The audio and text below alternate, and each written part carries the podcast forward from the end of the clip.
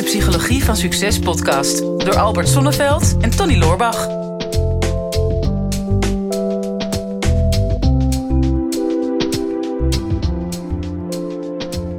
Tony, het lijkt me nu eindelijk eens tijd om na zoveel uitzendingen het, hebben over een, eh, te hebben over een kort lontje. Wat denk je daarvan?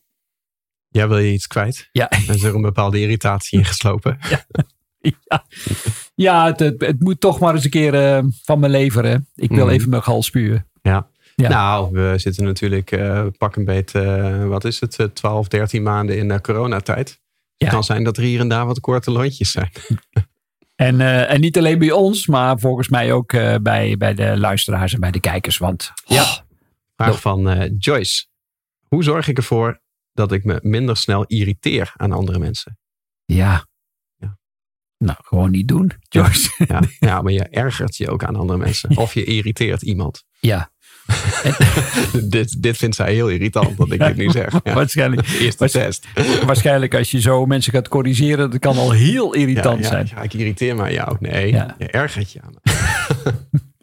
Nou ja, ehm, kijk, irritatie. Wat, wat, is het, wat is volgens jou het, het goede aan de irritatie? Want ik heb zelf, ik had net een dingetje in de, in de, in de trein hier naartoe.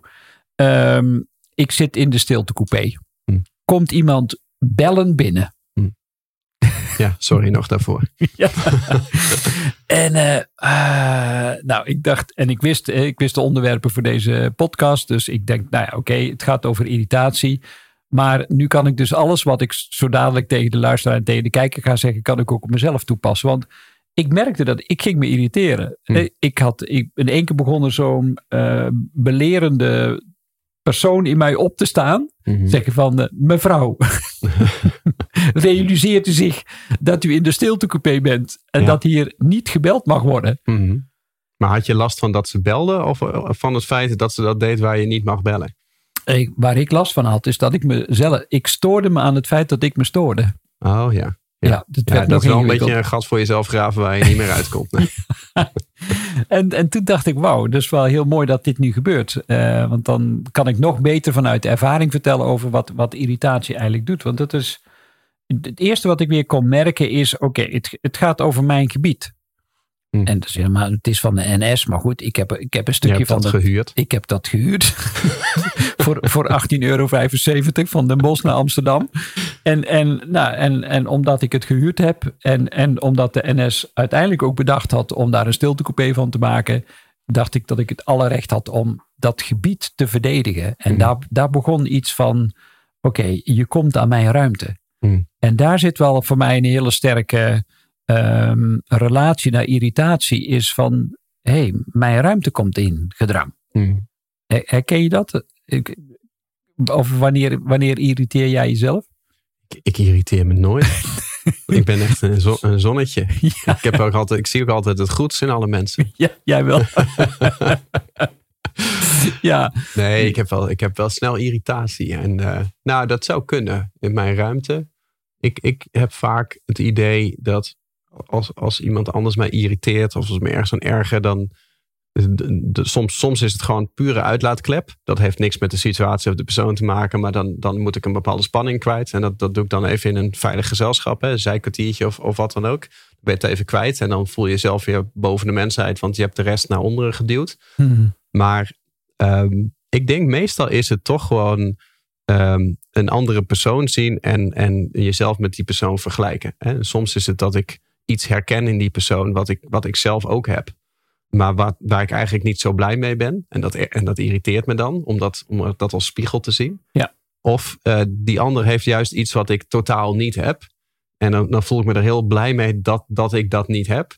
Maar, eh, maar, het, maar het irriteert me, irriteert me juist omdat het niet een onderdeel van mij is. ja want, want jij kunt je bijvoorbeeld, dat weet ik, ik ben natuurlijk jouw goede vriend. En jij, jij kunt je echt irriteren aan domme mensen bijvoorbeeld. Ja, ik ga slecht op domheid. Ja, waar zou dat dan mee te maken hebben volgens jou? Ja, dat Want is dan kun misschien iets wat ik herken in anderen wat ik zelf ook heb. Ja. een bepaalde onwetendheid.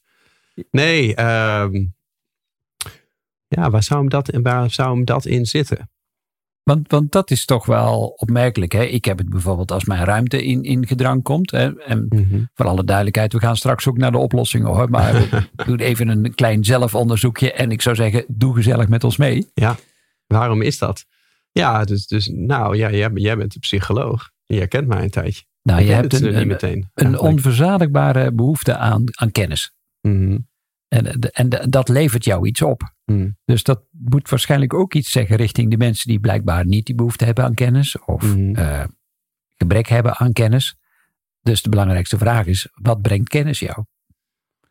Ja, klopt. Nou, dat, dat, dat is natuurlijk een beetje de, de brandstof geweest van mijn, van mijn carrière en van mijn hele zijnswijze. Hè? Ja. Als eh, podcaster, schrijver, eh, video's maken, eh, presentaties geven, eh, cursussen maken. Dat, dat is natuurlijk, kennis is in principe mijn, mijn missie. Kennisoverdracht. En dat begint met kennis vergaren. Ja. Ehm, dus dus daar, daar zit iets. Maar ook wel ehm, dat ik zelf heel veel waarde hecht aan niet, niet zomaar iets zeggen. Wat heel raar is voor iemand die meer dan 100 podcasten geïmproviseerd heeft zonder voorbereiding. en, dan- en dan het alleen nog maar over deze reeks. Hmm. Ehm, maar nee, wa- wat, wat ik een hele belangrijke waarde ben gaan vinden, en dat komt ook door de wereld waar ik uitkom. Weet je, ik, ik, ik leer mensen online marketing. Nou, dat is een beetje een soort coach. En die, en die coachwereld heb ik natuurlijk zien komen in Nederland. Van, van de eerste persoon die businessadviezen geeft tot de, tot de duizenden die er nu zijn. Iedereen is tegenwoordig coach. Mhm. Eh, ik vind het ook heel te raar als iemand in de dertig zich life coach noemt. Dan denk ik al van, daar, daar klopt wat niet. Maar er wordt zeg maar, ik zie heel veel mensen met heel weinig kennis heel veel prediken.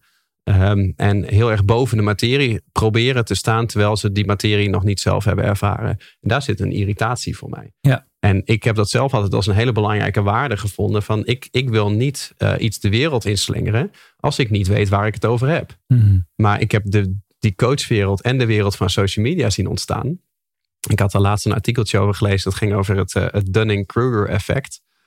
En er was een prachtig artikel dat liet zien dat als jij eh, de maatschappij zeg maar in twee, twee kampen verdeelt. Twee groepen, want in het verleden ging dat dan niet met kampen niet zo, niet zo goed. Maar ehm, in twee Slechte Slecht. Dus, eh, Zie je, daarom moet ik geen dingen zomaar zeggen Nee. waar ik niet over na heb gedacht. nee, nee. We moeten een keer maar- iets over spontaniteit zeggen ook. Nou, maar dat ging over twee groepen. En dat ging Ja. over, hey, je zou kunnen zeggen, je hebt, je hebt de competente mensen. En dat bedoel ik helemaal niet objectief competent in elke vorm, maar competent over bepaalde onderwerpen. Mhm. En competente mensen weten van zichzelf, en die zijn dusdanig competent dat ze van zichzelf weten hoe competent ze zijn. Ja. Ehm, incompetente mensen zijn dusdanig incompetent dat ze van zichzelf niet weten dat zij incompetent zijn. Mhm. En dat stond prachtige zin in dat artikel. In de wereld van social media lopen incompetente mensen over van zelfvertrouwen. En competente mensen zijn terughoudend. Ja. En dat, dat vond ik zo kenmerkend voor deze tijd. Waarin zoveel mensen iets roepen waar ze overduidelijk geen verstand van hebben. Of, of niet van de hoed en de rand weten. En ik zie dat de, de mensen die slim zijn op dat onderwerp. Of die het wel echt weten. Dat die zich vaak onthouden van een mening. Mhm. Omdat ze de moeite niet waard vinden Ja. om de discussie aan te gaan. Of omdat ze weten hoe incompetent ze zijn. En dat ze daarom denken van... Ik, ik, ik, ik, ik zeg hier maar niks over, want ik weet niet alles. Ja. En eh, ik heb dat altijd een hele belangrijke waarde gevonden. Ik heb dat gezien. En het is misschien een lange antwoord, maar daar zit, daar zit mijn frustratie. Ja. Ja. Nou, zoals mijn frustratie dan. frustratie en irritatie. Het komt zelfs een kikker in mijn keel. Mhm. Dan kom je de keel uit. Ja, komt heel uit. Ja. Door, ehm, door ruimte. Hmm. de, ehm, ik, ik vind het heel lastig om mezelf te begrenzen. Of Hmm. eh, andere mensen te begrenzen. Hè. Daarin kan ik ook grenzeloos zijn. En Mhm. als dan in een trein iemand heel veel ruimte inneemt.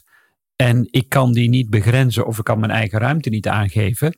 Daar ontstaat bij mij mijn irritatie. Maar waar komt dat bij jou dan vandaan? Want eh, draai me even om. Ga ik even op de psycholoogstoel zitten. Gaat u maar even liggen, meneer Zonneveld. Nou ja, ik denk ehm, in mijn eigen jeugd. dat is lekker. Dat is trouwens nog een grappige anekdote, die komt er dadelijk nog even achteraan. Ja, maar omdat mensen in de, ke- in de kerk gaan, door, ja. in de We kerk gaan proberen om er een hele irritante aflevering van te maken. Waar we het niet over het onderwerp hebben. Nee. Niet over de oplossing. En dat jij er net doorheen zit te hoesten. Ja, heerlijk. Ja. Ehm, nou, in mijn geval denk ik dat het vooral is gekomen door. eh, nou ja, zeg. Ehm, dat ik. eh, in mijn leven al heel jong voor een voldongen feit kwam te staan. Dat ik, dat ik geen keuzemogelijkheid had. Hè. Dus Mm. mijn vader ging het huis uit toen ik acht was. En eh, ja, daarmee ja, had ik geen keuzemogelijkheid meer. Ik, ik, ik moest leren omgaan met die situatie. Terwijl ik misschien veel liever, en toen ben ik me heel verantwoordelijk gaan voelen voor het gezin en voor mijn moeder en voor de opvoeding. En Mhm. kon eigenlijk niet echt meer kind zijn. Ehm, dus daar heb ik veel van mijn eigen ruimte ingeleverd, voor mijn gevoel. Dat is al voor een belangrijk deel onbewust. Ehm, en het heeft me ook nog wel iets opgeleverd, want ik was een heel braaf en een meegaand en een begripvol en een empathisch kind. Want dan was ik absoluut niet lastig in het gezin, want mijn moeder had het toch al zo druk. Was, zeg jij. ja, ja. En, en daardoor was, er, ja, was er voor mij onvoldoende ruimte. Eh, ik maakte mezelf ook kleiner dan dat ik eh, bedoeld was. Eh, dus ik denk dat het daar vandaan komt ook. Ja. Nou ja, dus het zou natuurlijk heel mooi zijn. Dus de eerste stap in, in, in de vraag, eh, als antwoord op de vraag van ja, hoe kan ik omgaan met irritatie? Begin altijd met jezelf. En begin daar ook heel eerlijk en heel openhartig over. Want Ehm, ja, je kunt van alles nog wat bedenken, maar als er iets je echt raakt, dan is er toch echt iets wat je nog geen plek hebt gegeven. Ja. Ehm, want in feite zou je mee moeten kunnen bewegen met het leven onder alle omstandigheden. Mhm. In mijn geval willen zeggen dat ik nooit mijn grens aan moet geven. Natuurlijk moet ik dat wel doen. En juist een irritatie is een teken dat ik in contact met mezelf wel moet kunnen zeggen: Goh, zou je je telefoon uit willen doen? Of zou je in een andere coupé willen gaan zitten?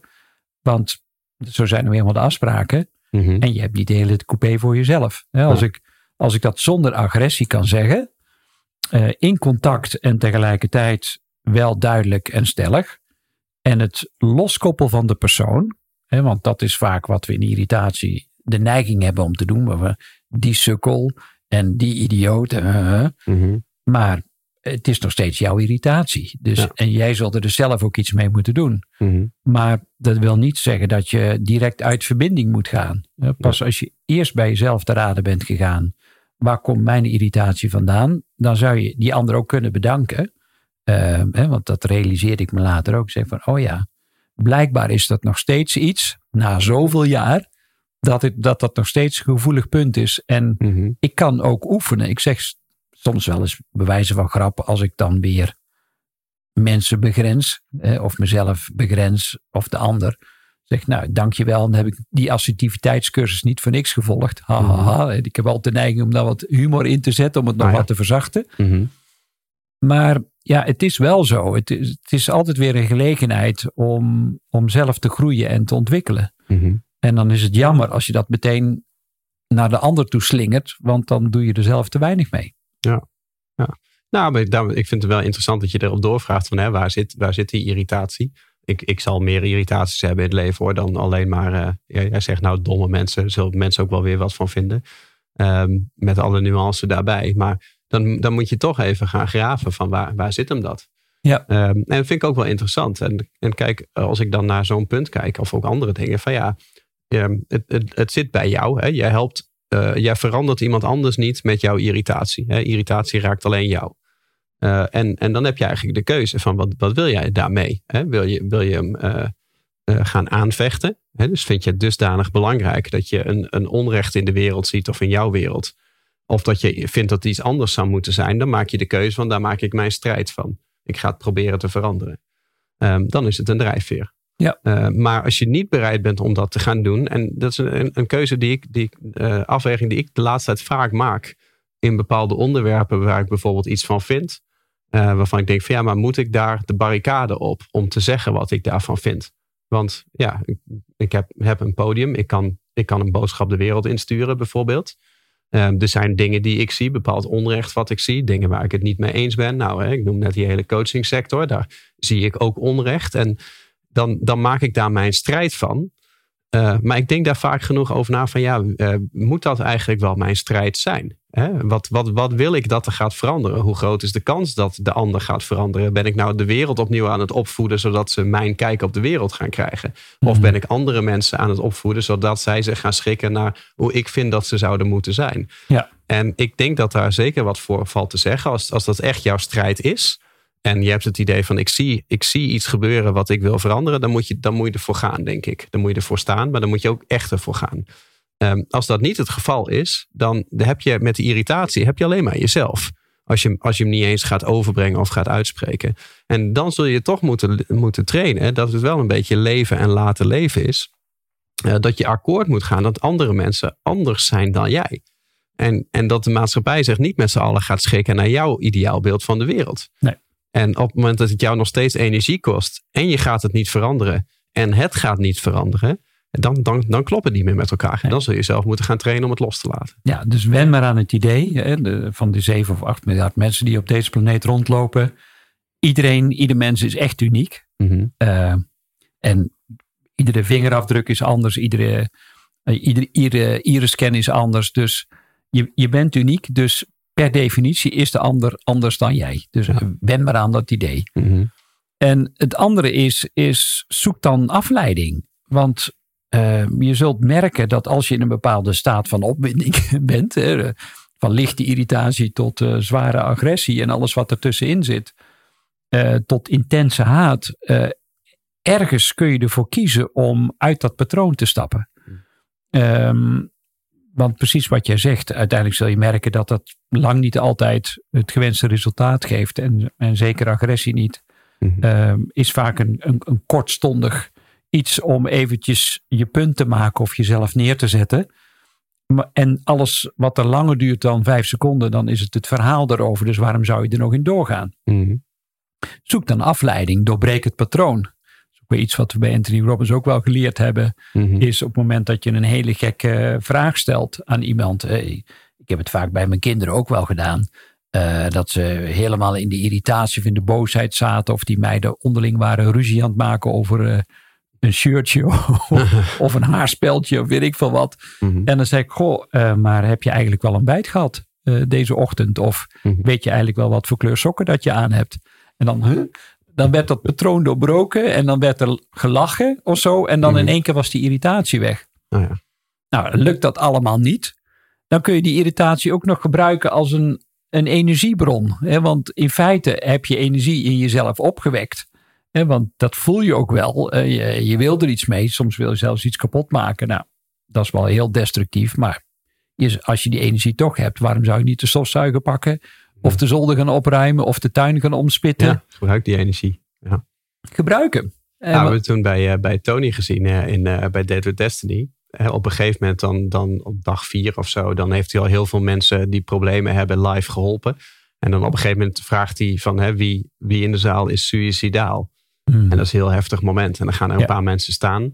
En dan gaat hij natuurlijk langs bij de mensen te testen van nou ben je echt suïcidaal. En de mensen die dat echt zijn, en die zijn er.